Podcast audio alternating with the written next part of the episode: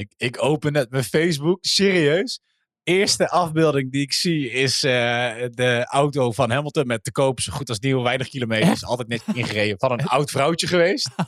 en, en de post daaronder is een gesponsorde post door mijn masterclass uh, met Lewis Hamilton teaches a winning mindset.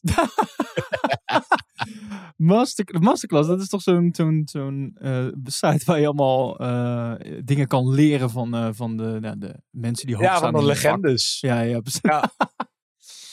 en Lewis Hamilton leert jou een winning mindset te hebben. Ja.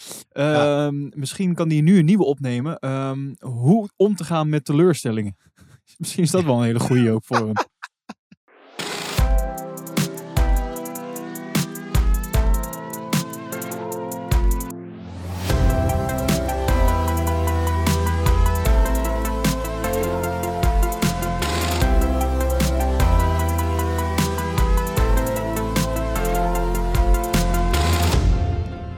Welkom bij de Pole Position Podcast, aflevering 136. De laatste race van het seizoen. De Grand Prix van Abu Dhabi. En nou, ik denk dat dit eentje is die we nooit, nooit, nooit, nooit meer zullen vergeten. Want uh, dit is denk ik de meest bizarre race die ik uh, ooit heb in mijn leven heb gezien. Denk ik. Ja. Toch? Sowieso de meest bizarre die ik ooit live heb gezien. Ja, precies. Maar, maar, maar ja, dit is, dit is een bizar einde van een uh, bizar seizoen. Ik denk, uh, ik denk dat ze bij Red Bull een heel groot feestje hebben gehad. Maar ik denk dat ze bij de marketingafdeling van een Formule 1, dat ze daar echt door het geluid zijn gegaan. Dit verzin je toch niet? Dit, dit, dit hoop je dat dit gebeurt. maar ja, dat het zich dan ook zo ontvouwt, dat is echt bizar. Ja. Uh, ja, het is, het is, het, waar moet je dan weer beginnen? Het is wel een beetje de afgelopen races is eigenlijk elke keer zo. Het is, waar moet je beginnen? Er is zoveel gebeurd in zo'n weekend. En dan, ja, zeker nu die laatste race, waarbij dus nu ook de wereldkampioen bekend is. Althans, is dat zo? Dat is dus nog maar de vraag. Maar daar gaan we het zo over hebben. Um, laten we wel even een kleine rewind doen. Even terug naar het begin van het weekend, toen het nog spannend was. En toen de beide alsof coureurs... we niet weten wat er gaat gebeuren. Ja, precies. We doen nog even alsof we niet weten wat er gebeuren. Uh, Lewis en Max die staan allebei op 369,5 punt. En we gaan het raceweekend in. En dat raceweekend dat is uh, traditiegetrouw een tijdje in Abu Dhabi. En uh, laten we dan ook gelijk even gaan beginnen met die track facts. Dus bij deze... Pole Position Podcast, Track Facts, Abu Dhabi. Oeh. De Jas Marina Track Facts. Yes, uh, bekend circuit, denk ik, al voor vele de mensen die al wat langer in de Formule 1 zitten. Want sinds 2009 worden hier ieder jaar al races gehouden. Een circuit van 5,5 kilometer, 21 bochten lang. En in totaal rijden we 55 rondes. Um, ja, Jas Marina, het is eigenlijk altijd een beetje het, het eindcircuit. Een circuit waarin niet zo heel veel ingehaald wordt. Een circuit waar normaal gesproken eigenlijk al lang bekend is wie de wereldkampioen is. En dit is een beetje een soort van ja, mooie optocht van auto's. Onder andere onder het Jasmarina Hotel. Het, circuit, het enige circuit in de wereld waar een hotel overheen gebouwd is. Um, doordat het zo'n modern circuit is, heeft het ook heel veel mogelijkheden. Sterker nog, er zijn zes verschillende configuraties waarin het circuit gebouwd kan worden, afhankelijk van welke klasse er rijdt. En ook dit jaar hebben we natuurlijk een wijziging gezien met een bocht die net even anders was dan de vorige keer. En ik moet zeggen, ik vind dat wel leuk. Circuits waarbij we terugkomen, waar er dan altijd net even één ding anders is. Dat houdt het over een beetje vers en houdt het weer een beetje leuk. Het is wel een circuit waar we ontzettend veel um, vol gas rijden. 69% van het rondje is vol gas, waaronder 14 seconden lang. Een van de langste rechte stukken in Formule 1. Um, in totaal wisselen de rijders 68 keer van uh, versnelling. En in de hele race is dat 3740 keer. Kimi Raikkonen zei ooit een keer over Jasmarina. De eerste paar bochten zijn best wel leuk en daarna is het shit. En dat is ook wel een beetje waar.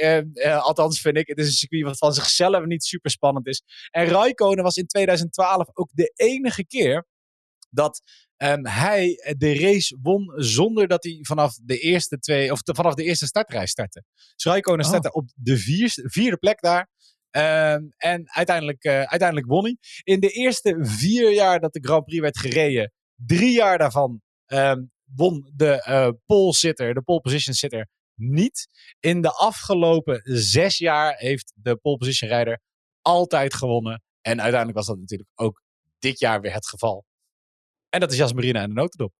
Nice. Wat, wat vind je van het circuit op zich? Vind je het een uh, leuk ja, circuit? Ik vind, ik, nee, ik ben het met Raikkonen eens. De eerste paar bochten zijn best leuk en daarna is shit. en de, de aanpassingen die ze hebben gedaan, zijn aanpassingen gedaan natuurlijk uh, uh, ten opzichte van vorig jaar. Vind je dat een verbetering? Het doel was eigenlijk om, om volgens mij wat meer snelheid er nog in te krijgen en wat inhalen ook wat makkelijker te maken op sommige ja, punten. Ja, het inhalen makkelijker. Ik moet zeggen, ik heb niet meegekregen dat het inhalen echt heel veel makkelijker was. Het blijft een circuit waarop je gewoon niet zo heel goed kan inhalen. En dat is met al die circuits met een hele hoge topsnelheid. Ja. Um, ja, dus, dus ik zeg al, kijk, ik vind het leuk dat ze een wijziging doen. Gewoon dat het jaar op jaar net even iets anders is. Ik denk, het zou heel leuk zijn als ze dat bij veel meer circuits ook doen. Um, maar anders dan dat vind ik het niet echt een boeiend. Het is een circuit. Volgens mij was laatst in het nieuws dat ze ook weer voor negen jaar hebben bijgetekend. Ja, ja negen of tien jaar in totaal. Ja. Negen jaar, tien jaar lang bijgetekend. Het is een circuit wat erbij zit omdat het heel veel geld oplevert. En het is geld dat het laatje voor Formule 1. En dat is nodig. Maar als het van vandaag op morgen zou verdwijnen, zou ik er geen seconde uh, om treuren. Nee, precies. En jij? En, en, en, toch vind ik het wel. Nou, ik vind het wel ik vind het toch wel een mooie plek of zo om het af te sluiten. Dat dan weer wel. Dat heb ik er wel bij. Sowieso vind ik het tof dat het dan in de avond is. Dat vind ik toch, toch echt wel wat hebben. Ja, en, avond is er uh, ook. Ik vind, het er echt, ik vind het er wel heel mooi bij liggen. Dus dat... Mm, ik snap het. Qua circuit is het niet het meest interessante circuit. Maar ik vind het toch wel wat hebben. Met, onder andere dan uh, dat hotel wat er overheen is gebouwd. En waar dan onderdoor wordt gereden en zo. Het, dat vind ik toch wel wat hebben, zeg maar dat soort uh, dingetjes vind ik wel gaaf. Net zoals dat je bijvoorbeeld dat stadion hebt in uh, Brazilië, volgens mij, waar je inrijdt en zo. Dat, dat soort dingen vind ik wel leuke toevoegingen, zeg maar. Dat Ja. maakt het even net wat, ja, meer Nee, dus dan... het is leuk om naar te kijken. ja, alleen precies. op basis van races is het Nee. gewoon niet zo Dat is waar. boeiend over het algemeen. En kijk, het was nu natuurlijk, voordat we vooruitlopen op de hele race, het was nu super spannend. Vooral in het begin en aan het einde. Ja. Maar in het midden was het ook gewoon niet echt een hele boeiende race meer om te kijken. Weet je, als alles een beetje uit elkaar ligt en, en de kaarten zijn geschud en, en uitgedeeld, dan blijft iedereen redelijk op de plek rijden waar ze rijden. Ja, nee, dat is waar. Dat Moeilijk is waar. inhalen, veel topsnelheid. En nou ja, dan hangt veel hangt af van wie de snelste auto heeft. En de auto's, zeker op topsnelheid, ontlopen elkaar nu ook niet zo heel veel dat ze, dat ze echt ver in kunnen lopen. Nee. Eh, dus dan krijg je DRS-spelletjes. En ja, nee, dat is waar. Ik zat trouwens even te kijken of om een, eh, om een kamertje te boeken. eh, boven dat, Oh. bij dat hotel. Eh, het hebben- zal nu alweer heel goedkoop zijn. Maar ik denk dat het gisteren... Nou, ik wil dus even kijken. Dus voor, voor komend jaar, dan is het, het slot van het Formule 1 seizoen, als alles gaat zoals het zou moeten gaan, op 20 november. En, maar ik kan het dan niet meer boeken. het, is al, het is in ieder geval in booking.com kan ik het niet boeken. Dus Nee. dat is trouwens geen sponsoring. Maar een gemiddeld, Ik denk dat je- gemiddeld dat je prijsje voor een nacht is daar eh, zo'n eh, 160 euro. Oh, dat valt me nog mee. Ja, en in het begin van het jaar, dus eh, januari, februari, maart, zit je op 200 euro. Maar dan heb je vast geen uitzicht op de baan. En dan zit je ergens in een kelderkast. Oh, december is nog iets duurder. Dan zit je wel rond de 280 euro. En met, ja, met oud Ja. en nieuw, wil je daar met oud en nieuw shine, heb je toch nog een beetje vuurwerk bij het circuit, zit je toch wel op eh, 493 euro voor een nachtje. Maar op zich, ik vind het meevallen. Toch? Voor een circuit Ja, maar ik, zei, ik weet niet wat je dan dus hebt. Hè? Of, je, of je überhaupt uitzicht hebt op het circuit of niet. En dan kijk, zolang er niks Dat gebeurt, dan is het natuurlijk ook niet zo heel boeiend dat er een circuit ligt. Nee, dat is waar. Ehm, ja, wel dus ik, ik, Wel ze, ze hebben voor tien jaar bijgetekend. Ik zou gewoon eh, begin bij tien jaar in de toekomst even te kijken. Reserveer daar een paar weekenden in november Precies. en werk dan langzaam terug. Doe Dan een heb je nog een redelijke prijs. Ja, precies. En waarschijnlijk zal het dan ook nog zo zijn dat als je dat hebt gedaan en dan vervolgens die data bekend worden, dat jij dan toch een mailtje krijgt van we flikkeren je eruit. Want Ja, ja, Sheikh Abu Dhabi eh, heeft ja precies. Leuk dat jij voor 160 euro een kamer hebt geboekt, maar dat gaat even niet door. nou ja, eh, het, raceweekend. Laten we daar dan even naartoe gaan. Eh, want ja, dat begint uiteraard met vrije training 1.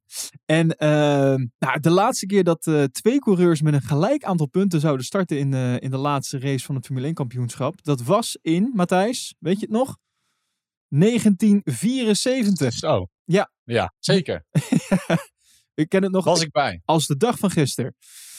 Ehm, nou ja, eh, beide, dus zowel Max als Lewis, die eh, begonnen dus het weekend met 369,5 punt. Waarbij, eh, mocht dit zo blijven, hè, Max dus winnaar zou zijn, want één overwinning meer.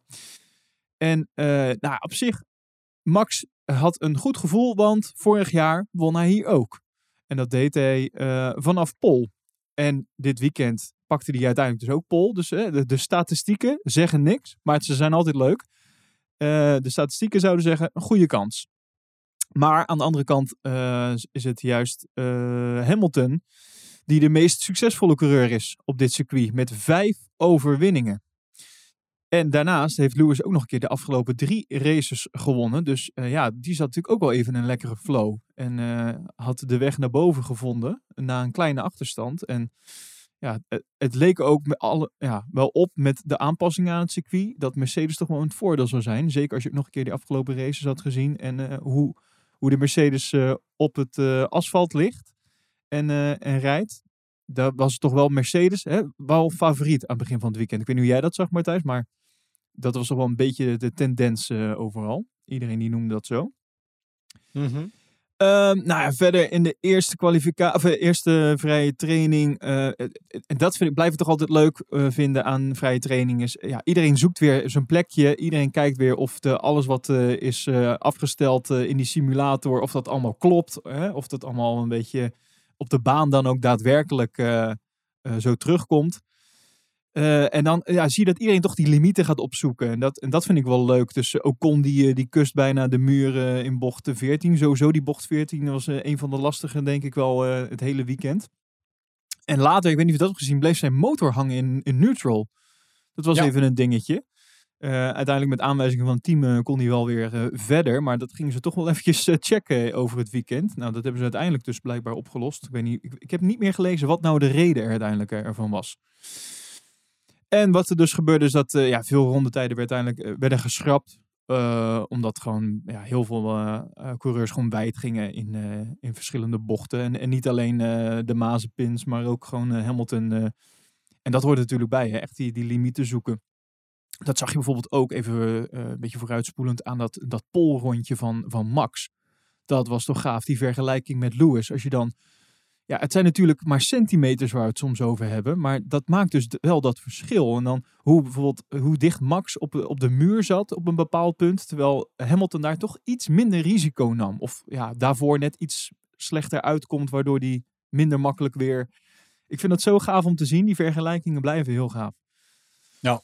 Ehm, dan hadden Leclerc en Verstappen die hadden nog een momentje samen.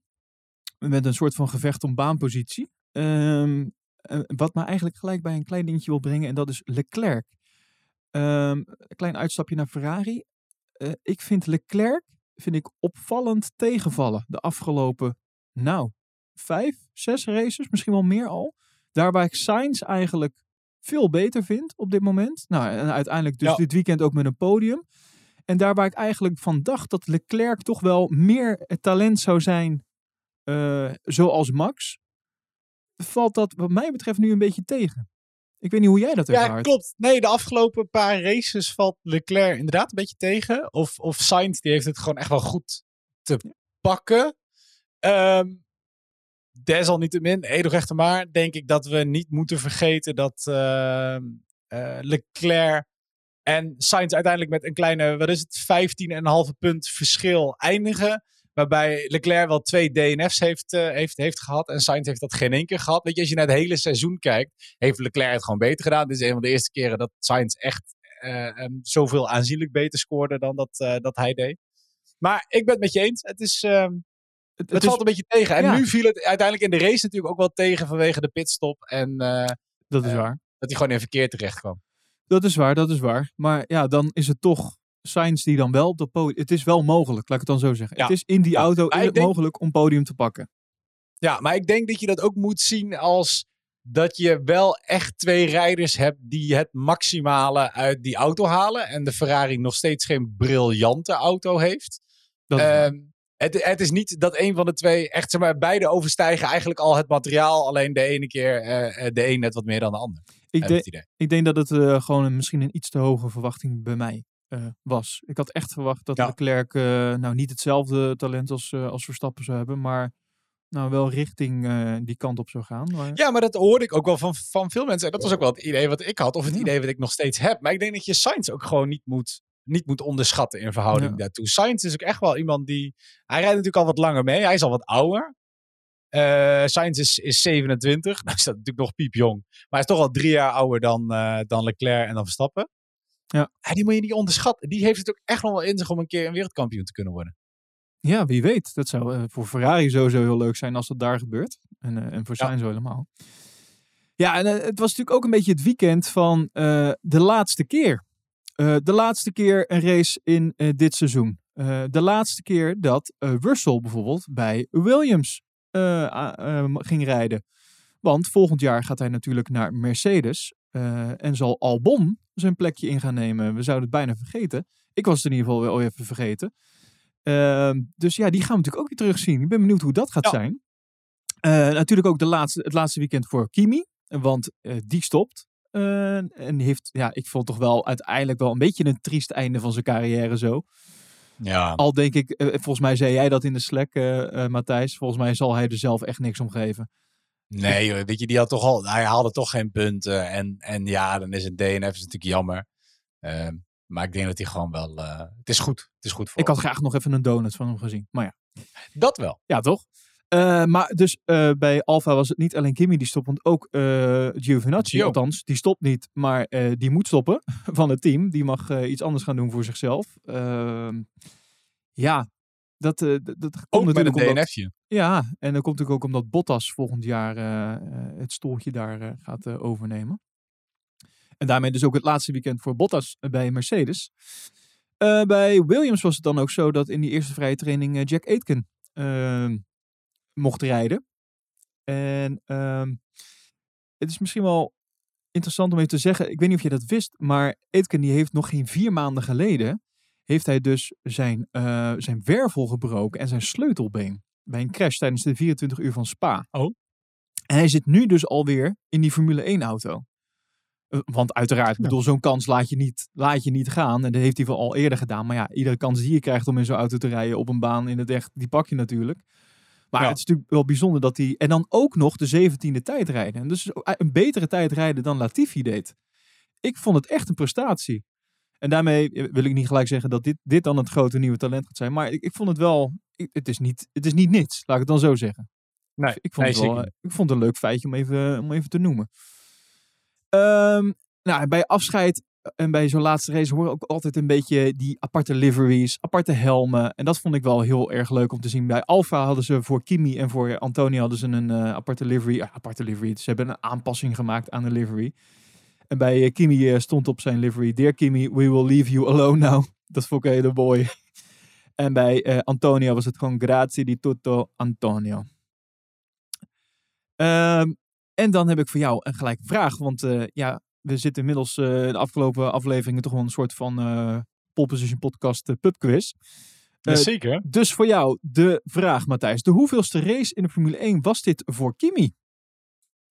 En tevens zijn De laatste. 349. Ja hoor, ik moet een belletje hebben hier zo. Die heb ik niet. eh. Zonder dat hij net de 350 niet heeft gehaald. Ja, jammer hè. Ook dat zal ik jullie misschien aan zijn reet roesten. Maar ik ga gewoon wel goed Hem- op een rond getal. Hem interesseerde het echt helemaal niks.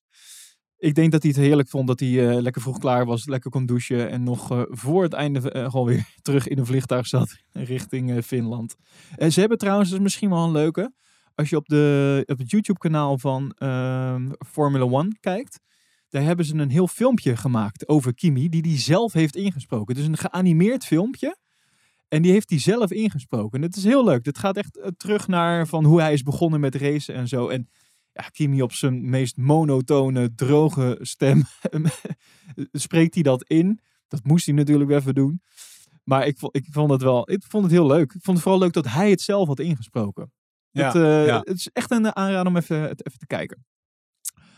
Eh, dan, eh, oh ja, ik heb het nog gezien. Mazepin die had, eh, die had zijn helm, had hij goud, eh, gedeeltelijk goud gemaakt.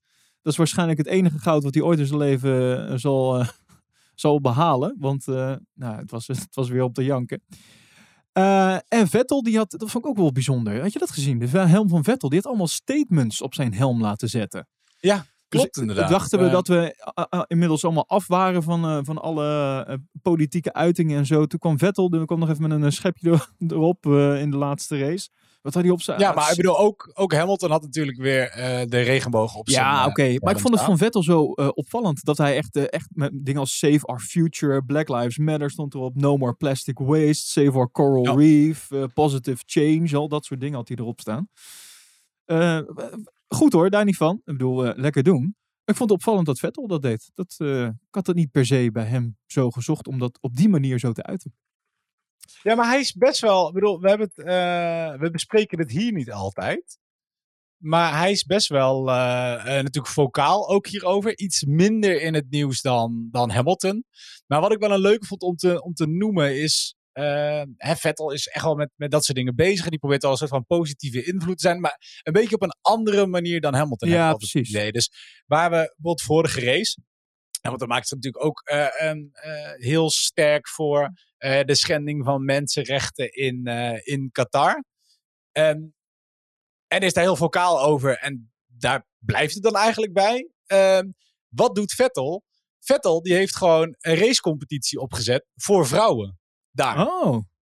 Uh, en vrouwen mogen daar niet zo heel lang auto rijden. En hij heeft gewoon een. ik zal even de details bezoeken. Hij heeft gewoon. Volgens mij, volgens mij was het een kartcompetitie opgezet. En die, uh, die sponsort hij om, om daar vrouwen te laten racen. En is hij dan, dat komt helemaal niet zo heel groot in het nieuws. En is hij helemaal niet zo. Hij loopt er in ieder geval niet mee te pronken. Maar dat doet hij gewoon wel allemaal. Gewoon, ja, ik, dat vind ik echt top. In oh, Vettel nice. is wat echt een topgozer voor de, voor de sport. Ja, top. Ja, en je ziet dan toch, dat merkte ik sowieso ook al. Door zo'n sport daar naartoe te halen. Ik, daar ben ik wel even anders over gaan. Klein uitstapje dan. Ik wil het niet te lang hierover hebben, maar een klein uitstapje, want het viel op. Um, er zijn natuurlijk altijd een beetje partijen die zeggen: hey, je moet een sport of zoiets daar niet naartoe brengen, want het is daar slecht. En daarom moet je dat niet uh, uh, supporten door daar naartoe te gaan of het niet benoemen. De andere kant is, en dat heb ik ook wel gezien, door die sport nu daar naartoe te halen, was het zo dat natuurlijk uh, iets van 5000, 6, 7000 Nederlanders daar naartoe gegaan met een bekende boeking slash vliegmaatschappij. En al die hotels die zaten natuurlijk vol met Nederlanders, tenminste een aantal. En daar werd gewoon wel alcohol geschonken. Iets wat natuurlijk normaal daar niet echt de bedoeling is. Maar doordat je die toeristen daar hebt, ja, wil je dat? Want ja, dat is, betekent natuurlijk centjes. Heel simpel. En ik denk dus, net zoals wat je nu net zegt, wat Vettel doet door zo'n kartwedstrijd uh, uh, of league op te zetten voor vrouwen. Door onze invloed daarin te brengen op die manier. Ja. Ehm, in combinatie met dat ze ons toch graag willen hebben om bepaalde dingen, kan je wel weer ja, bepaalde veranderingen bewerkstelligen.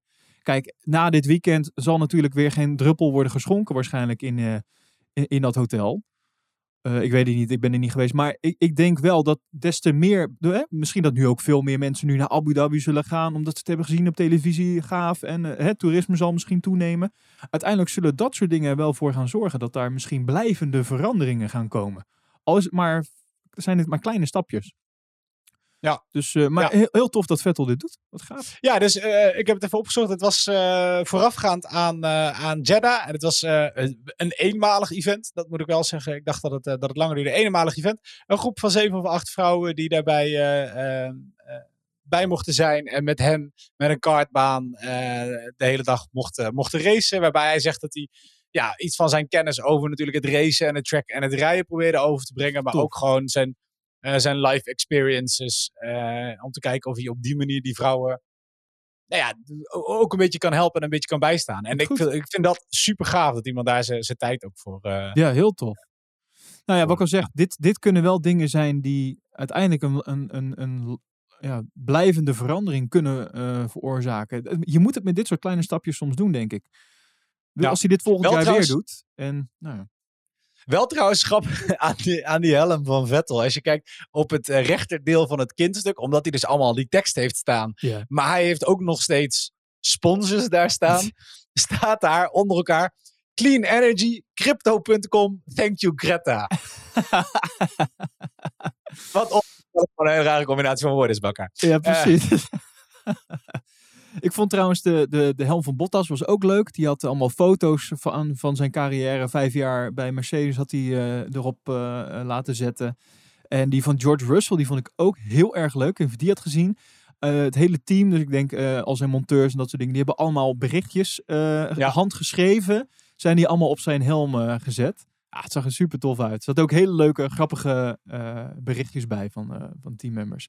Zeker de moeite waard om even op te zoeken. Um, nou, even een bruggetje maken, want welke coureur naast Lewis heeft meerdere keren gewonnen in Abu Dhabi? Er is maar eentje geweest. Ja, Rijkonen dan? Nee, ja, we hadden het er net over. Daardoor een bruggetje. Uh, Vettel, 2009, 2010, 2013. Iets okay. met Red Bull.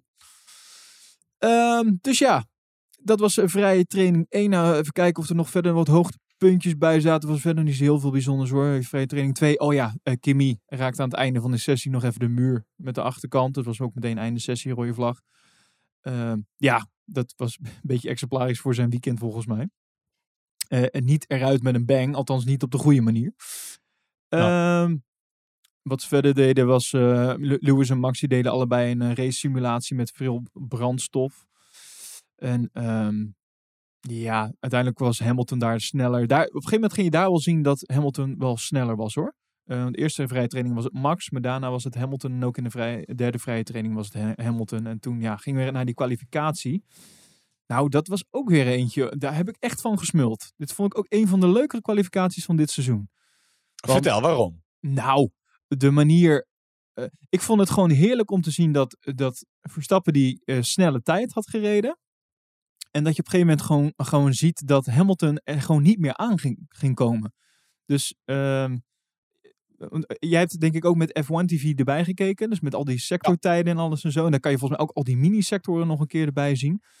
Ja, je, je, zag gewoon, je zag gewoon dat het niet meer ging lukken. En dat vond ik. Ik had het niet verwacht, laat ik het dan zo zeggen. Dus hij verraste me een beetje. Ik had niet verwacht dat uh, Max daar de pol zou gaan pakken.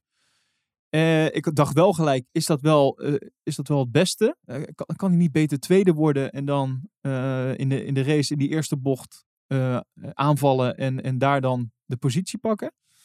Ehm, maar ja, elke pol die je kan pakken, die moet je gewoon willen pakken natuurlijk, in dit geval. Ja, tuurlijk. En ik vond het een hele mooie daardoor. Ik vond het gewoon, ik vond het een vuist maken, terwijl ik verwacht had dat hij het niet kon doen. niet omdat hij ja. het niet kan, maar omdat de auto gewoon dat niet kon. Nee, ja, en uiteindelijk heeft hij ook gewoon nog met, uh, wat is het, uh, bijna 400ste. Ja heeft hij hem, uh, heeft hij hem te pakken gehad. Dus het was, het was inderdaad best wel veel. Nee, ik vond hem ook, ik vond het een spannende kwalificatie. Ik heb dit weekend echt vanaf het begin tot aan het einde gevolgd via F1 TV. Mijn mijn nieuwe favoriet. Waarbij ik me helemaal kapot heb geërgerd aan het feit dat je al die camera's dus niet tegelijkertijd gewoon netjes kan synchroniseren. Dus dan op mijn ene beeldscherm keek de kwalificatie en dan wil ik zeg maar live inderdaad soort van de baan erbij hebben en dan ook de mini-sectoren. Ja. En dat liep allemaal geen En aan de rechterkant had je nog vrije training 3. Ja, dat, ja, nou dat inderdaad. dat liep geen één keer gelijk. Nee, maar uh, dat, dat, dat, gezegd hebben, was het gewoon echt wel leuk om, uh, om het op deze manier te zien. En was ik ook verbaasd over het feit dat Max zo snel was. Zeker als je uiteindelijk ziet hoe snel Hamilton natuurlijk ook zeker op de rechte stukken was. Ja. Uh, ze hadden de, die, die motor, de, de raketmotor, of net hoe je hem heel catchy wil noemen, hadden ze terug in de auto gelegd. Dus ik bedoel, vermogen te over, zou je zeggen. Ja. Maar dit was al interessant. Eh, ik blijf erbij trouwens, nu ik het hele weekend gevolgd heb. Ik vind vrije trainingen gewoon niet zo interessant om te kijken. Dat blijft. Nee, ja. Is, gewoon, is gewoon niet zo heel Ik snap wat je bedoelt, gewoon... maar je moet het aanzetten en lekker wat een beetje voor jezelf Ja, lekker anders gaan doen. doen. Nou ja, en... ja, dat heb ik dus ook gedaan. En het was leuk om in de vibe te komen. Toen vond ik het inderdaad cool. Q1 was dan nog niet zo heel erg spannend. Uh, ik bedoel, de, de standaard auto's vallen uit. De ja. Hazen, de Alfa's en, en, en Williams. Wel Giovinazzi nou wel weer doorkwam. Dat was natuurlijk heel leuk voor, uh, voor Gio. Uh, en in Q2 vond ik het al interessant dat je ziet dat de Red Bulls dus op andere banden uh, zouden moeten starten ja. dan dat de Mercedes dat deden. Hè, Red Bulls reden allebei op de soft, reden Q2 op soft. En Mercedes reden allebei op geel. Dat was al tof. En vervolgens ga je inderdaad Q3 in. En, en zie je dat Hamilton uiteindelijk er niet bij komt. En zie je, verbazingwekkend genoeg, dat Norris er opeens wel bij komt. Ja. De rest nog even van de vierde plek afstoot. Precies. En als derde uh, blijft staan. En ja, een beetje tragisch gezien zie je dat Bottas eigenlijk helemaal nergens is. Nee, ja. Echt nergens. Nee, nee. Nee, dat Ik weet niet, die zat al met zijn hoofd bij, nou ja, dit is de laatste race, laat maar lekker. Of misschien gun ik het Max gewoon en doe ik het wat, wat, wat minder goed. Maar nee, ja, het viel gewoon weer tegen. Ja, het- het- niet verrassend voor Bottas, laten we, laten we het zo eh, noemen. Ja, terwijl Nee. aan de andere kant, hij, soms, hij verrast soms. En dan en andere momenten dan, eh, dan denk je van, nou, die, eh, alle drive is er bij hem wel echt uit. Heel vreemd. Ik ben Ja. heel benieuwd hoe dat volgend jaar bij Alfa gaat. Ehm, maar eh, eh, de, het hoogtepunt voor mij, zeg maar, qua kwalificatie, eh, is en dan moet je echt even die, die vergelijking met, met Lewis kijken. Want dat, daar zie je gewoon. En natuurlijk, ze rijden allebei op de limiet, hè, wat dat betreft. Bedoel, het, we hebben het over, wat zei je, 400ste uiteindelijk. Maar eh, gewoon die kleine verschilletjes, die vind ik zo gaaf om te zien. Waar, ehm, eh, in welke versnelling zit je in welke bocht. eh, en dan zie je verschillen tussen Lewis en Max. En hoe, hoe je er dan uiteindelijk dus uitkomt. En hoe dicht de ene even bij de rand zit en de ander dus niet. Ja, het zegt ook heel. Het, de verschillen zijn klein, maar het zegt heel veel ook soms. Dat Ja. vind ik gewoon heel leuk. En het- het- volgens mij laat het gewoon ook een beetje zien hoe Max echt, echt tot het gaatje eh, is gegaan ook weer voor deze pol. Want dat vond ik er zo mooi aan. Onverwachts, maar echt dik verdiend. Dik, dik verdiend. Ja, en, de, en, en dan, dan komen we aan bij, eh, ja, bij de race. En bij de start. En oh, trouwens, dit, dit is precies de reden waarom dat vrije trainingen kijken wel interessant is. Want wat mij was opgevallen bij vrije training 3 namelijk, eh, aan het einde van die sessie doen ze altijd even proefstart.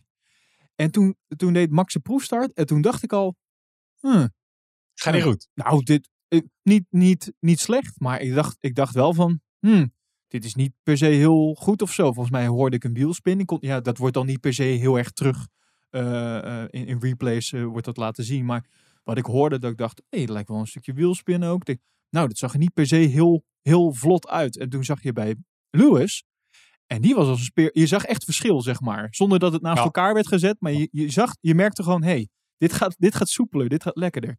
En toen dacht ik nog, oh, dan hoop ik maar dat dat morgen beter gaat.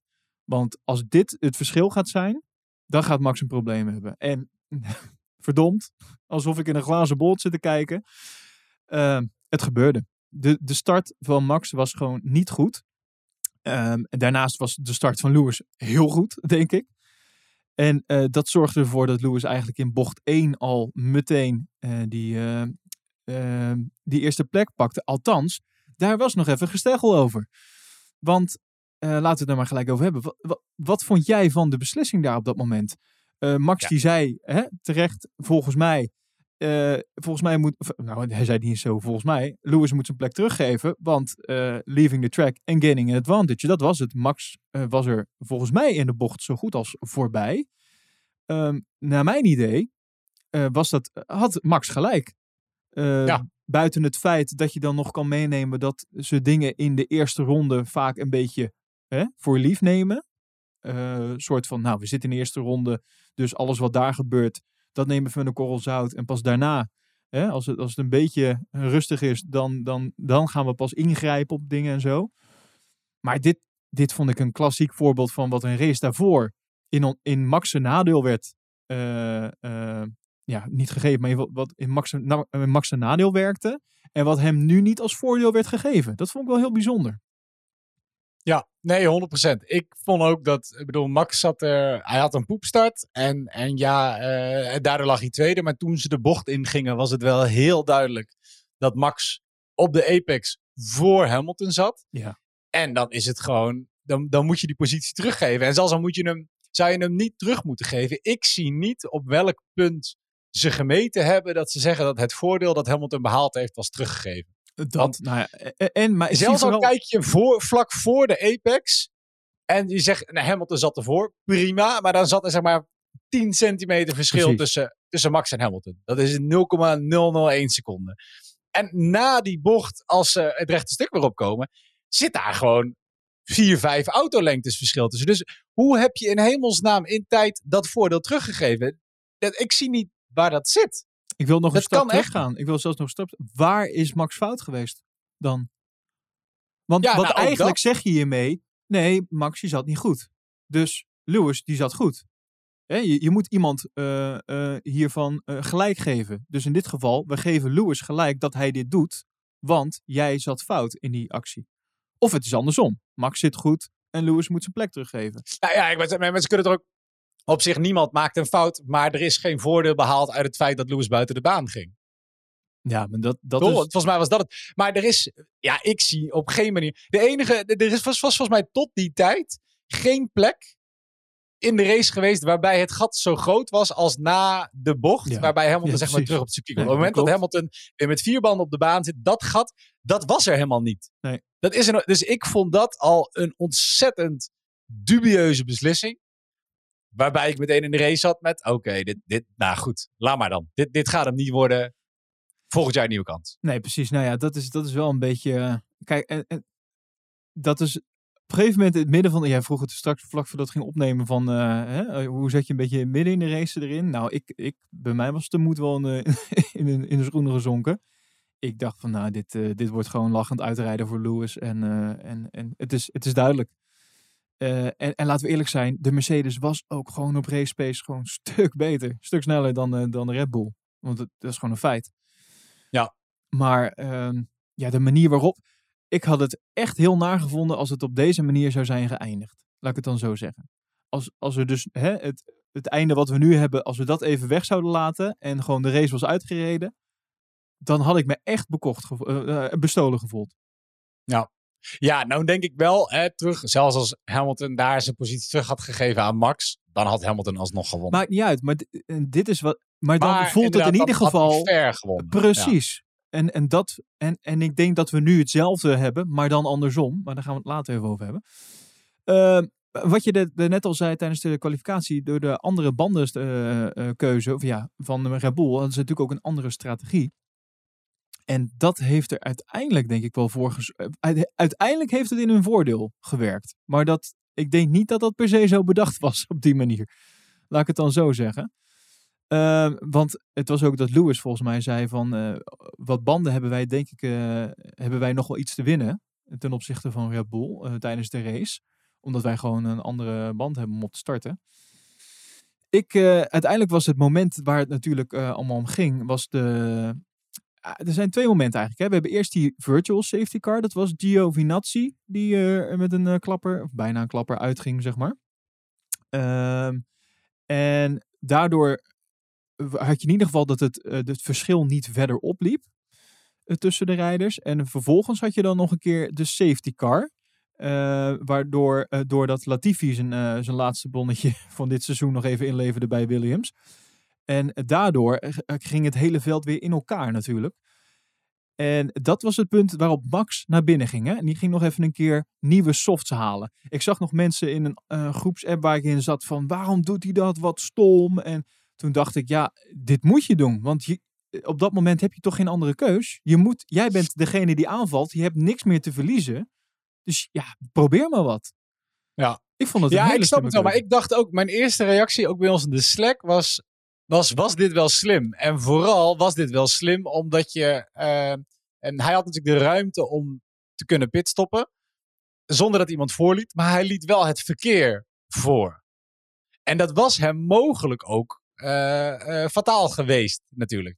Ehm, Hmm, waren oké. niet dat de FIA uiteindelijk een andere beslissing heeft genomen. En maar voordat we, denk ik, hier naar het einde van de race toe praten, wil ik heel even nog een klein stukje terug.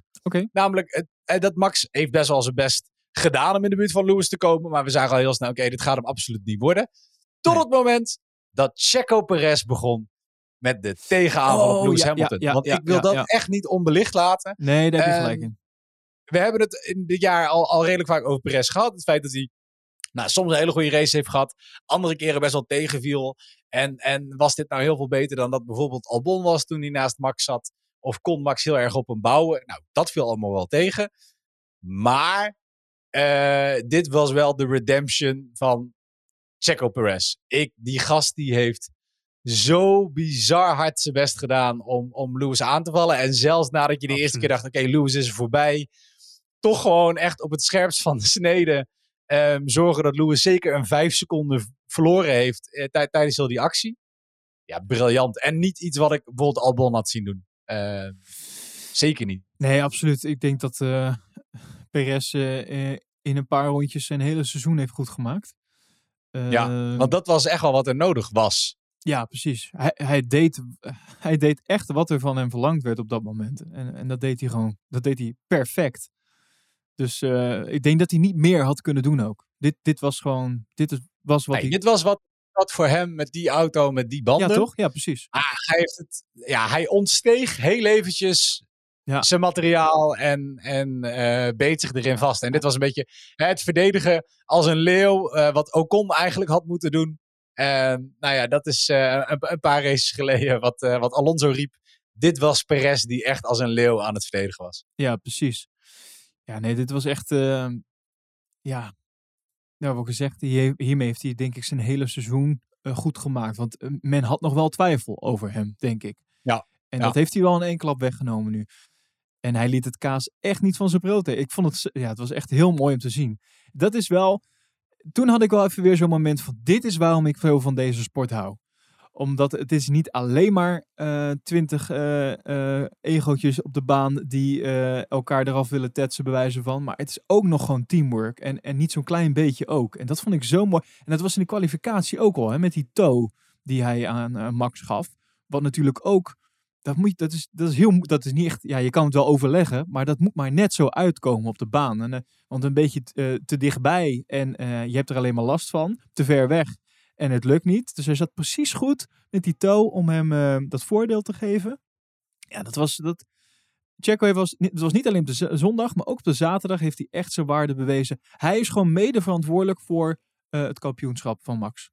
Dat kan dat echt. Al is het maar voor Ja, een procent. hoewel, kijk, ik bedoel, als de safety car er niet was geweest, dan was het niet genoeg. Want je zag helaas, Max zat in de buurt en daarna reed Hamilton weer weg.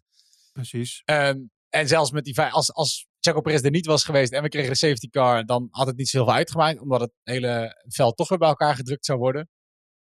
Alsnog was dit een stukje racerij dat ik echt niet had willen missen. Fantastisch, toch? Eh, briljant. Echt, echt van genoten. Maar, nou, en dan komen we daarna inderdaad hè, bij, bij de slot, bij het finale stuk, bij het moment suprême. Ja. Ehm, Red Bull gaat naar binnen toe. Max krijgt nieuwe bandjes. Over de radio hoor je Hamilton die ook aan zijn team vraagt: shit, hadden wij niet naar binnen moeten gaan? En dan zie je een beetje wat je volgens mij de hele race al zag. Ja, ook het feit dat Hamilton vroeg naar binnen ging op zijn gele banden om eh, de pitstop van Max te counteren. Je ziet dat Ham, eh, eh, heel Mercedes is defensief aan het spelen. Ja.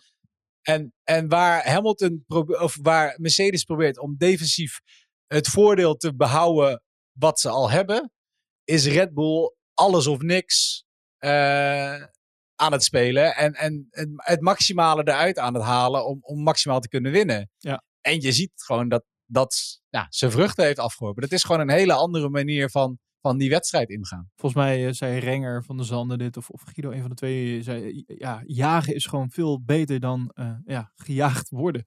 Het is gewoon, Ja. omdat geeft je gewoon veel meer vrijheid op een bepaalde manier. En ehm, ja, dat, Red Bull laat wel zien, ook tactisch, eh, dat, dat dit, dit kunnen zij wel. Hier, ik denk dat er veel overwinningen zijn binnengehaald op, op deze manier. Eh, En daar zijn ze gewoon heel goed in geworden. En ik denk dat eh, Mercedes te weinig druk heeft gehad om ook goed defensief zichzelf te ontwikkelen. En op dit soort momenten ehm, komt dat naar boven. Dan, is het, dan laat het een zwakke plek zien bij, eh, bij Mercedes. Ja, je durft, maar je durft natuurlijk ook als Mercedes zijn geen risico te nemen. Stel, ze waren, ze waren wel gepit en Max had dat niet gedaan. En daarna was, de, was, was er een rode vlag gekomen. Zeker. Had je ook een probleem gehad. Zeker. Dus zeker. je, je kan gewoon, je kan jezelf niet permitteren om dat, om dat risico te nemen. Net als dat Hamilton zichzelf, en dan zullen we het zo hebben, niet kon permitteren om in het gevecht met Max dat daarna ontstond, even scherp op het snede te rijden als Max. Nee. Want Max had het voordeel dat hij wist, als we er allebei afgaan, Precies. ben ik alsnog kampioen. Ja. En ja, dat is dan, dan speel je gewoon eh, eh, zo hard als dat je kan. En, en waar Hamilton kon dat niet. Maar Ja. voordat we het daarover hebben, de reden dat we daar kwamen is omdat, nou, Max Pitten, ik dacht inderdaad, is het wel slim? Er zit verkeer voor. Je hebt Hamilton, je hebt een aantal auto's, je hebt Max. We horen een, een via radio met ehm, eh, dat de, de tussenliggende auto's niet voorbij, eh, voorbij, niet Hamilton en niet de safety car mogen inhalen. Ja. Wat dacht jij op dat moment? Nou- Drie rondes te gaan. Nou, wat ik sowieso dacht is van, uh, dit, ga, uh, dit gaat het niet meer worden. Als in, uh, dit, dit wordt onder de gele vlag, wordt het uitgereden. Dat, dat is wat ik Ja, dacht. ik was er ook bang voor. En ik had dat zo, zo jammer gevonden. Je, je, er zou gewoon eigenlijk een regel moeten zijn. Je mag een kampioenschap niet uitrijden onder een gele vlag. Nee, toch? Nou, die, en die regel is er dus ergens wel. Hè? In de andere klasses. Is dat moto? Ergens anders is het wel zo dat, het, uh, dat je dus niet uh, een kampioens, of in ieder geval een race mag uitrijden onder gele vlag. Ja. Dat is, e, als ze dan toch zo ehm, heilig zijn met dat reglementenboek, laat ze dan in ieder geval die regel toevoegen. Dat ja. vind ik echt een regel van toegevoegde waarde. Maar uh, ja, ja, je hebt gelijk. Uh, de, wat, ik, ja, wat ik toen dacht. Ik dacht echt, we, we gaan dit niet halen. Dit, uh, dit gaat even duren voordat die auto van Latifi daar weg is. Dat was ook geen kleine, geen kleine smakker. Niet heel groot, maar ook niet even de, de zeg maar. Nee, precies. Dus ik denk, nou, dat, dit is het. ik had niet verwacht dat wij nog een rondje zouden gaan rijden. En toen kwam natuurlijk een beetje de. Dit is nou, waar we het vorige week al ook al over hebben gehad. Er wordt geen vuist gemaakt vanuit de wedstrijdleiding. Er wordt niet gezegd: dit is wat het is en dit is het. Uh, dus in eerste instantie is het dat uh, lapped cars may not overtake. En daarna ineens wel, maar dan zijn het er maar een stuk of vier, vijf. Een, een... Ja, alleen degene tussen Max en Hamilton. Ja, precies. En ik kan me heel goed voorstellen dat er nu heel veel Lewis Hamilton en Mercedes fans zijn die zich enorm bekocht voelen door die, uh, door die keuze. Ja, en plus daarna nog de keuze dat in dezelfde lap als dat die, uh, die auto's ingehaald hebben, de safety car ook wegging. Terwijl ja, dat zouden ze normaal ook niet doen. Ja, nee, absoluut. Dus dat zijn allemaal, ik, nou ja, laat ik het zo zeggen. Ik, ik ben hartstikke blij voor Max, maar ik, ik kan me zelfs voorstellen dat, dat een overwinning op deze manier niet lekker voelt. Dit, snap je? Het is, er kleeft iets aan met vervolgens dus de protesten van Mercedes achteraf. Nou, uiteindelijk duurt het weer een paar uur voordat het allemaal is afgehandeld en we dan uiteindelijk de definitieve uitslag hebben. Althans, definitief. Dit gaat volgens mij gewoon naar International Court. En ik denk dat we in Parijs pas een keer een uitslag uh, gaan hebben. Dat denk ik ja. echt. Want Mercedes laat het hier niet bij zitten. En, en, en als ik in hun schoenen zou staan, uh, volledig terecht. Toch? Want dit laat wel echt de enorme zwakke plek in de Formule 1 zien. En dit is ook waar, waar ik het vorige week over had. Van ik, ik, de lol is er bij mij wel een beetje af op deze manier. Want dit is toch niet meer leuk Formule 1 kijken. Ik heb nou nog steeds geen idee wie er heeft gewonnen eigenlijk. Dit is toch raar? Ja, ik, ik, ik denk dat ze sowieso uh, dat wereldkampioenschap gaan ze niet meer afpakken. Maakt niet ik uit. Denk niet dat, ik denk ook niet dat je dat kan doen. Dat denk ik ook niet. Uh, maar de manier waarop. En ik snap het. Ik vond het, ik vond het heel raar. Kijk, ik vind de boordradio's uh, zijn, zijn heel raar van, van uh, Michael Maas. Het is gewoon raar dat ze een soort van mix geven tussen, oké, okay, uh, of twee, twee verkeerde signalen geven. Eerst, oké, de auto's mogen er niet langs, daarna de auto's mogen er wel langs. En dan dat ze een beetje tussen regeltjes door een manier vinden hoe die gasten toch tegen elkaar kunnen racen. Omgekeerd snap ik dat je dat wil voor je kampioenschap. De beste optie in mijn ogen was geweest, toen die auto crashte, is jongens, uh, rode vlag de sessie. Ja. Rode vlag de sessie. Uh, is natuurlijk achteraf is het makkelijk praten. Maar rode vlag de sessie. Dan doen we daarna een start vanaf het grid. En dan hebben we een soort sprintrace. Vier rondes lang. Ja. Uh, en, dan, en dan zullen we het wel zien. Alleen als dat was gebeurd. Dan had Hamilton gewoon gewonnen. Want met een rode vlag had Hamilton namelijk van banden mogen wisselen. Dus er moet een soort, in mijn ogen, een tussenoptie komen tussen we kunnen de race stilleggen als er een dusdanig moeilijke beslissing wordt gemaakt, maar niemand mag van banden wisselen. Um, en, en dan starten we zo wel. Dat ik, was in dit geval, had dat een soort van het eerlijkst gevoeld voor mij. Dat snap ik. Um, maar ja, ik denk de beste omschrijving vind ik dat, uh, onder, als, ik mijn, als ik mijn oranje bril even afzet, is dat dit was een redelijk onterechte manier voor Max om te winnen. Ja. Maar het is ontzettend terecht dat hij wereldkampioen is geworden dit jaar als je naar het hele seizoen kijkt. Ja. ja. En daardoor vind ik het uiteindelijk terecht dat hij gewonnen heeft. Ik denk dat het, uh, het gevoel wat bij mij heerst wordt samengevat in uh, wat Max uiteindelijk uh, achteraf zei bij Jensen Button, volgens mij tijdens de driver, inter ja, driver interviews. Um, dat hij zei, op, eindelijk hebben wij een keer geluk. En toen dacht ik, dit is precies, dit is precies de rotte plek in Formule 1. Blijkbaar is geluk. Die, en dan, heb ik, dan bedoel ik niet geluk als van, oh, er loopt een konijntje over de weg en eh, eh, die raak ik en daardoor eh, is mijn auto rot. Nee, het geluk dat je moet hebben vanuit de wedstrijdleiding en de stewards, welke beslissing ze nemen en welke kant dat voor jou opvalt. Ik vind dat, dat die hele laag, dat moet echt heel anders. Want het kan toch niet zo zijn dat, je, dat we spreken van, nou uiteindelijk zeg maar al het ongeluk wat Max heeft in de rest van het seizoen is nu een soort van recht getrokken en daarom voelt het weer beter of zo. Dat is toch niet hoe, hoe je met sport bezig moet zijn. Je hebt toch gewoon, je hebt gewoon een wedstrijd en je hebt gewoon in dit geval 20 coureurs en die, die maken gewoon 50, 60, hoeveel rondjes en je hebt een winnaar. En ik snap wel dat er dingen bij komen kijken waar je een soort van reglement voor moet hebben. Maar dan is dat toch gewoon de regel. Waarom, waarom moet het ineens zo, zo onderhandelbaar zijn? En ik snap het gewoon niet. Ja, maar ik denk dat het moet gewoon onderhandelbaar zijn, omdat iedere situatie weer uniek is. Zeker, maar op het Uh, moment dat je het En dat er gewoon geen sport is waar je, waar je aan zoveel dingen vastzit. Onder andere omdat je bijvoorbeeld heel veel regels hebt met betrekking tot materiaal. En dat heb je eh, met betrekking tot voetbal. eh, Zijn er regels over de, de formaat van het voetbal, de formaat van het veld en de formaat van de goals. En that's it. En omdat iedereen hier in ander materiaal zit. Ik bedoel, hetzelfde kan je zeggen over eh, het feit dat, dat Hamilton zo dicht in de buurt kwam. Is onder andere door de regel van het motorwisselen. Die eigenlijk min of meer misbruikt is door, eh, door, door Mercedes. Ja, dat kan je van tevoren kan je dat ook niet zien. Of dat hebben ze in ieder geval niet, niet van tevoren goed genoeg aanzien komen. Nee. En eh, ja, dat is helemaal volgens de regels. Is dat de manier waarop je zou moeten willen winnen? Ja, ik denk van niet. Ja, oké, maar het valt. eh, Het is wel. Het is duidelijk. Laat ik het dan zo zeggen. Het is duidelijk, want dit zijn de regels. Dit is wat Mercedes doet.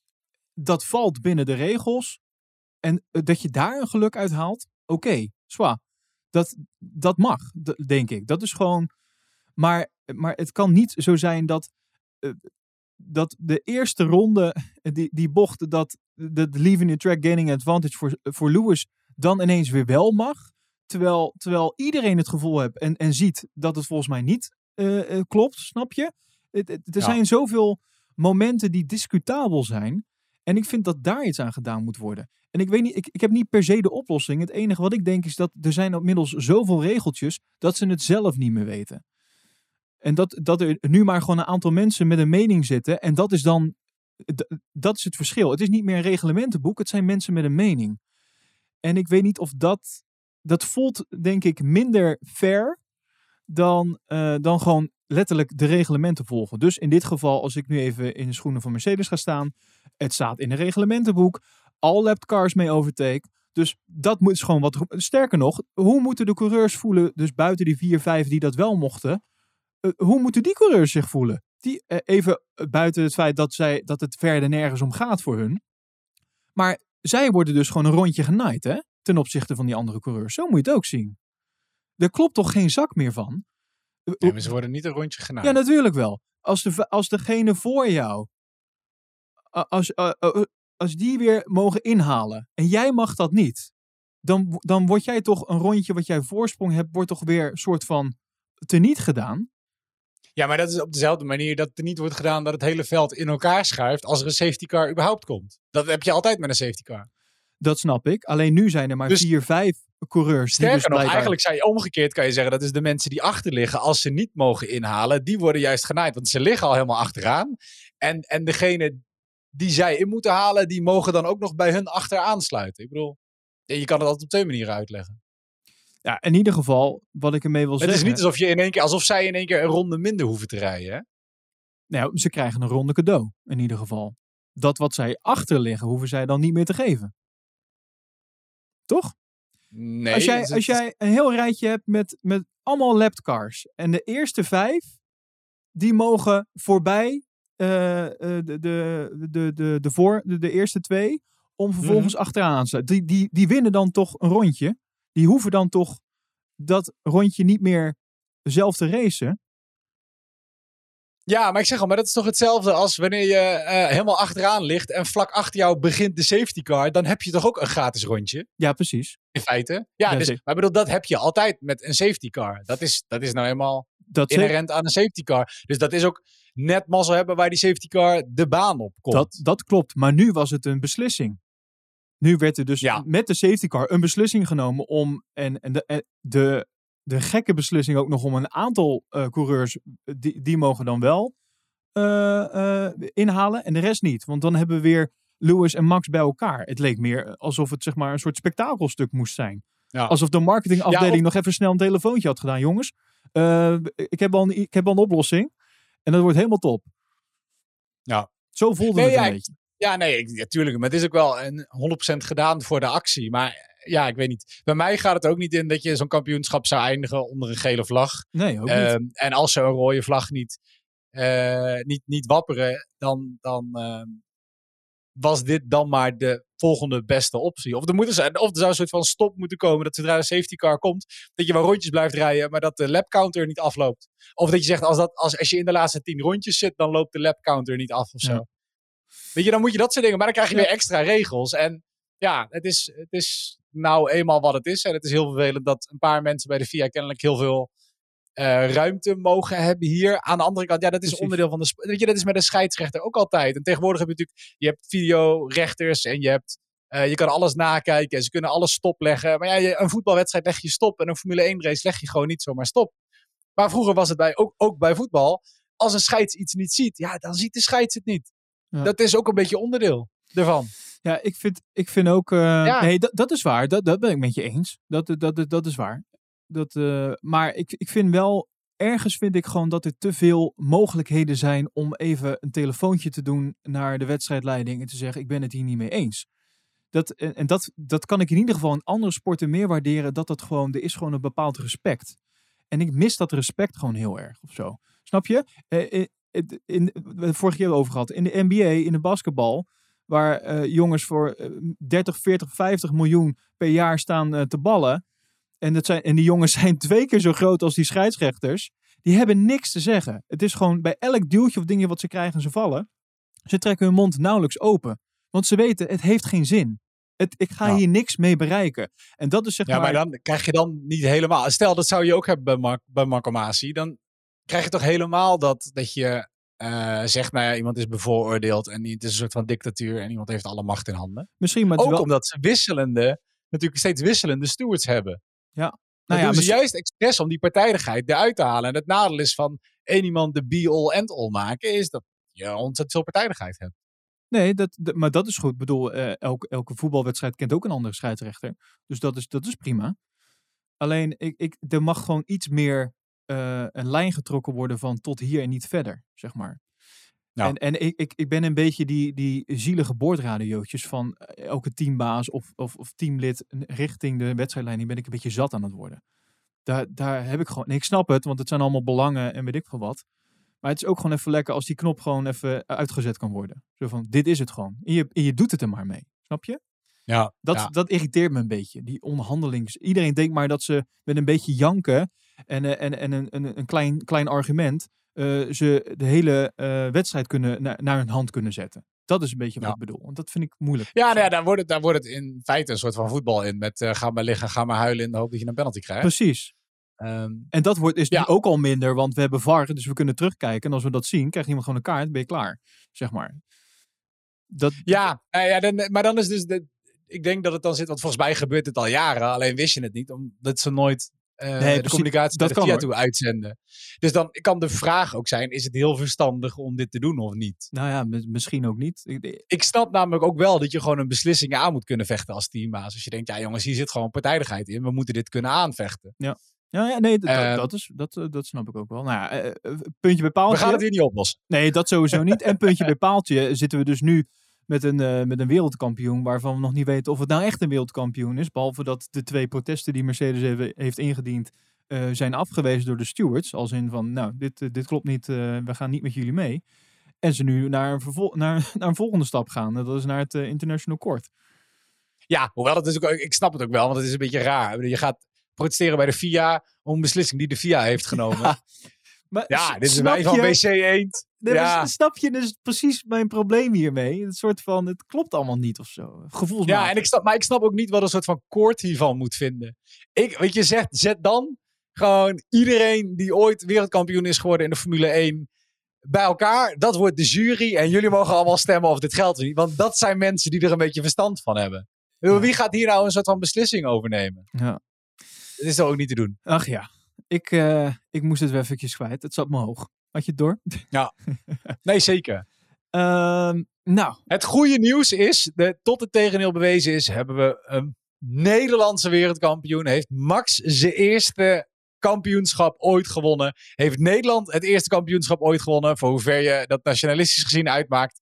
Ehm, en is de eindeloze stroom van overwinningen van Mercedes en van Lewis Hamilton gebroken. En dat alleen al vind ik gewoon prachtig. Niet omdat het Max en omdat het Lewis zijn. Maar omdat een totale dominantie van iemand of van een team in een sport gewoon niet zo heel erg leuk is om naar te kijken in mijn ogen. nee. En dat maakt dit gewoon alweer gaaf. En helemaal omdat dit natuurlijk afsluiting is van het hybride tijdperk zoals dat we het nu kennen. En volgend jaar alle kaarten opnieuw geschud zijn. En ik hoop dat het nog veel spannender wordt. Omdat alle teams dan eh, een beetje mee moeten kunnen doen. Met, met de nieuwe auto's en de nieuwe reglementen. Nou, ik, eh, ik, ik heb wel echt schreeuwend voor de televisie gestaan. Je, je, hebt, je hebt de beelden waarschijnlijk gezien op Instagram. Ja, zeker. ik, eh, ik- ik heb wel echt op het puntje van mijn stoel gezeten. En dat, dat is toch ook wel, eh, moet ik zeggen, wat waard. Ehm, ik, heb nog nooit zo'n spannend seizoen, denk ik, meegemaakt. En een van de mooiste seizoenen, denk ik, ooit. Zo werd er in ieder geval over gesproken.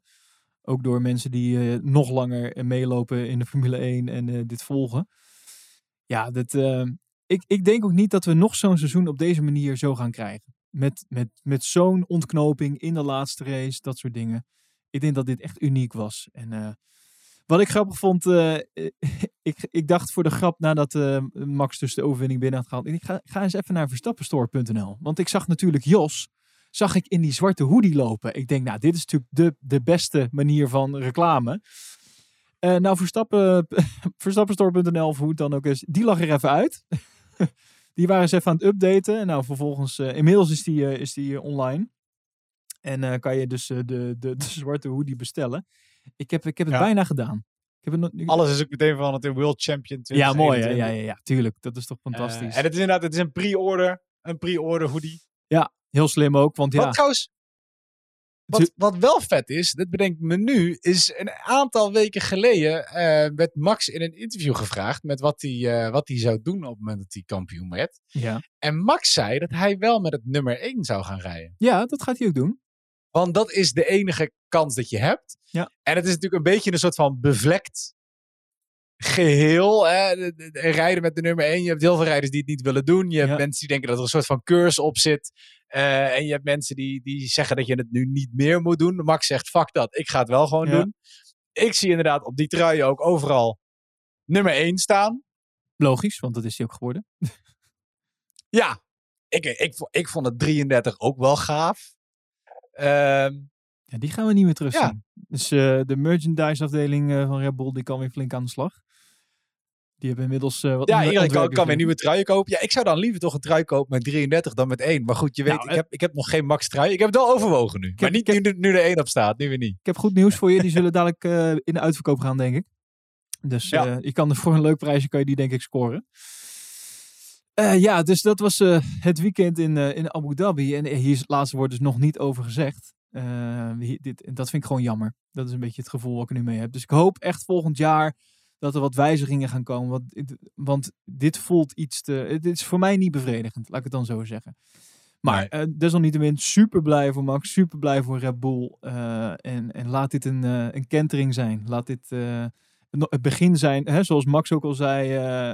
laten we dit de komende 10, 15 jaar nog doen met elkaar. En dat, dat vond ik ook mooi. Dat vond ik echt, dat gaf even een kippenvel momentje. Van ja man, hij, hij, Ja. hij is gewoon heel zo blij met het team en hij wil hier gewoon blijven. En, ze willen dit gewoon samen doen. Honda, die, eh, die zal zich toch wel even iets minder lekker voelen, denk ik, of zo. Dat ze eruit zijn gestapt, misschien. Ja, ik zei het ook al. Dat is toch zonde. Aan de andere kant, ze kunnen nu nog steeds zeggen dat ze natuurlijk wereldkampioen Precies. zijn. Eh, Honda zei er zelf over dat ze helemaal blij zijn dat ze nooit zijn gestopt met het geloof hierin. En dat dit een prachtige einde is. Nee, ze hebben het support ook nog steeds. Hè?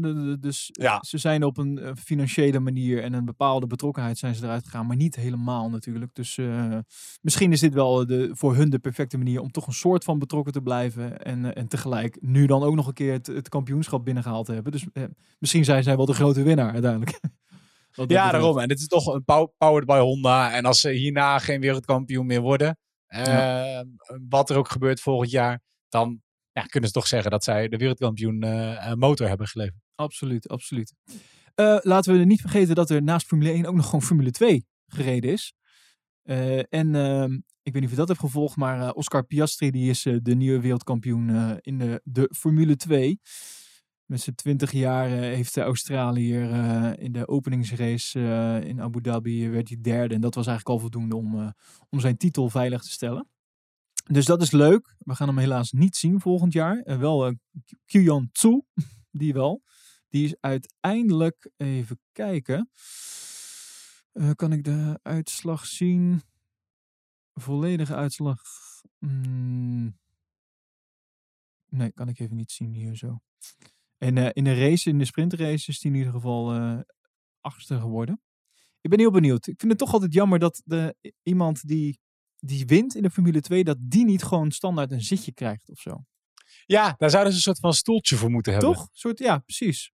Ja. Uh, ik snap dat dat ook weer een lastig ding is. Want ja, bij welk team dan? En wie moet je dan wegdoen? Et cetera. Maar een beetje zo'n soort uh, promo, promoveren slash degradatie uh, model zoals je in, in voetbal en zo hebt. Weet je wel? Als je, als je het gewoon heel goed doet, dan mag je gewoon door. Nu, eh, nu blijft dat een beetje hangen. Uh, dus dat was, uh, dat was leuk. Uh, verder, wat ook wel leuk is, is dat ehm, vanaf volgend seizoen van Amersfoort Racing een nieuw, het nieuwe Formule 2 team is in de Formule 2. Dat Ik is wou het net zeggen, inderdaad. Ja, dat is ook echt officieel bekendgemaakt nu. Er waren natuurlijk al geruchten over. Maar dat, dat, gaat, dat gaat gebeuren. Dus dat is ook wel leuk. Nog meer Nederlandse glorie in de autosport. Dat vind ik een goed ding. Ja, ja, en dus van Amersfoort Racing, voor, niet, niet, voor wie het niet weet, Max Verstappen heeft daar ooit uh, gereden in de Formule 3 uh, in 2014.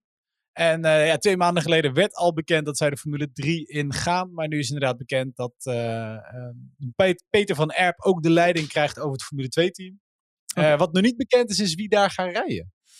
Nee, klopt. Het is wel leuk, want het is wel twee, dan ook wel weer het tweede Formule, 1, Formule 2 team dan. Hè? Want je hebt ook nog MP Motorsport, dat is ook Nederlands. En dan, en dan nu van Amersfoort. Dus, uh, ja, top. Dus uh, gefeliciteerd ook aan, uh, aan Van Amersfoort, zou ik zeggen. Ja, toch? Alleen maar goed Nederlands nieuws. Nou, en ik weet niet om jou... Ja, het enige nieuws wat er nu is, dat gaat alleen maar over de winst van Max. of het verlies van Mercedes. of wat de coureurs daarvan vinden, of wat andere mensen daarvan vinden. Nou, als je dat wil weten, dan moet je dat gewoon eventjes lekker zelf opzoeken. Ja. Doch, dat is niet alle, zo interessant. Alle om te behandelen. Wat ik wel nog even interessant vind om te behandelen. Of heb jij nog iets, uh, Matthijs? Had jij nog nee, nee, ik wil zeggen wat alle bekende Nederlanders ervan vinden. En wat iedereen vindt. God, zijn er wel veel ineens, hè? Die allemaal uh, met motorsport, uh, met autosport bezig zijn. ja, en iedereen die ooit een keer met Max op de foto heeft gestaan, komt ook weer voorbij in alle tijdlijnen. Ik, ik zag op, ik weet niet of je dat nog hebt gezien, maar ik zag Ali B. Zag ik bij Max een rap, een soort van rapachtig speech ding geven. Als soort van bedankje, ode of zo super ongemakkelijk. Dat was ergens gewoon, ergens in dat VIP-gedeelte volgens mij, met een aantal mensen omheen, met zo'n mobieltje, om dat dan te filmen natuurlijk. En, en Ali die stond daar een soort van half prekend zijn, zijn halve rap naar Max te doen. En Max die stond er echt bij van, wat moet ik hiermee? Ja. Het was heel ongemakkelijk. Afijn, maar voor dat soort uh, dingetjes moet je gewoon eventjes... Uh... Moet je gewoon even RTL Boulevard kijken. Dus, uh, dus dat. Nee, ik wil nog uh, als afsluiting wil ik nog even één ding zeggen. En dat is, ik wil gewoon even onze luisteraars bedanken, Matthijs. Dat wil ik gewoon even doen. Want uh, nou ja, het maken van een podcast is, kost in ons geval veel bloed, zweet, tranen. maar ook heel veel plezier. Maar dat komt vooral omdat we weten dat er gewoon mensen naar luisteren. En dat er mensen zijn die in ons Slack-kanaal zitten en die interactie hebben. En waarmee elk raceweekend we eigenlijk uh, lekker met elkaar praten, foto's sturen over hoe zitten jullie erbij uh, om naar de race te kijken. Dat maakt het wel echt, eh, voor mij in ieder geval, de Formule 1 echt tien keer zo leuk dan, dan dat ik het al vind. en dat komt echt ja, doordat je het kan delen met, met mensen die er net zo fan van zijn. daarnaast hebben we in ons groepje, een Slack groepje, ook nog iemand zitten die voor Red Bull werkt. Dus die heb ik nog even uitgebreid gefeliciteerd dat, dat zijn gewoon leuke dingen. En uh, ik, heb, ik heb echt, daar beleef ik zoveel plezier aan. Dus ik wil echt iedereen die, uh, die deze podcast luistert echt onwijs bedanken voor een heel mooi Formule 1 seizoen. Dat sowieso. En eh, wat mij betreft eh, zullen we in de tussentijd eh, kijken of we nog wat leuke dingetjes kunnen maken. Ehm, en er zal waarschijnlijk, eigenlijk gaat die Formule 1 nieuws, eh, dat gaat gewoon door. Hè? Dat heb ik al gemerkt eh, vorig seizoen. Ja, Dat- nee zeker. In het begin is het een beetje rustig en is het natuurlijk komkommertijd. Maar al heel snel gaan ze weer, eh, weer verder met testen en komt er ook weer eerste- nieuws naar buiten. De eerste jonkies zijn alweer op de baan bezig eh, in Abu Dhabi. Daarom. Wat traditiegetrouw. Daarom. Dus Nee, en dus ook van mij uit zeker. En dankjewel naar alle luisteraars. Het is super gaaf om, eh, om dit mee te maken en om dit te zien. En om eh, ehm, ook de feedback en de reacties van jullie te krijgen. En, en ik denk dat het super gaaf is dat we gewoon nog een jaar doorgaan. Ehm, ik denk, ik hoop en ik weet bijna zeker dat we volgend jaar gewoon de 100.000 downloads gaan bereiken met onze podcast. En dat is een mega mijlpaal. zeker. Ehm, en daar ben ik echt, eh, echt trots op. En ja, weet je, net wat je zegt, het blijft superleuk om dit te doen. En ehm, ja, het kost heel veel tijd. En, en ja, eh, eh, zweet, tranen, moeite. We zijn niet altijd op tijd. We zijn gewoon ehm, niet mega actief op social media. En we zijn gewoon twee vrienden die het tof vinden om de race te bekijken en dit te bespreken. Maar het is superleuk om te zien dat iedereen meegeniet. En dat wekelijks op wekelijks eh, mensen de afleveringen downloaden en luisteren. Dus, dus daarvoor hartelijk dank. Ja, onwijs, onwijs bedankt voor je support. En ook de mensen die eh petje af zijn, die nog, eh, nog extra in het zonnetje zetten. Want ja, die, die doneren ons zodat wij ook deze hobby ook gewoon nog een beetje kunnen uitvoeren zonder dat het al te veel geld kost. En dat is gewoon heel, eh, heel fijn. En eh, dat we ook gewoon zien. Gewoon dat- die extra support is dat nog eventjes. Gewoon eh, echt heel tof. Onwijs bedankt daarvoor. Ja, en dan gaan we deze afsluiten, Matthijs. Eh, het seizoen zit erop. Ik ga even bijkomen. Want mijn bloeddruk die is nog steeds eh, veel te hoog na afgelopen weekend. en mijn hartslag ook. Was trouwens nog grappig. Iemand uit ons Slack-kanaal die deelde dat, hè? Marieke was het volgens mij. Ja, Marieke, die die deelde had de hartslag van de Fitbit. De hartslag van de Fitbit gedeeld in ons Slack-kanaal. Nou, fantastisch. Die ging echt... eh, wat was het? Het was echt super hoog. 180 of zo. Ja, eh, echt door het dak heen. ja. ja. Heel grappig. Dus eh, ik ga ook nog even bijkomen. Jij denk ik ook eventjes. En dan, ehm, ja, ik weet niet wanneer, maar we zullen redelijk snel wel weer terug zijn met een eh, nieuwe aflevering. En ehm dank je wel voor alles. En graag tot de volgende keer.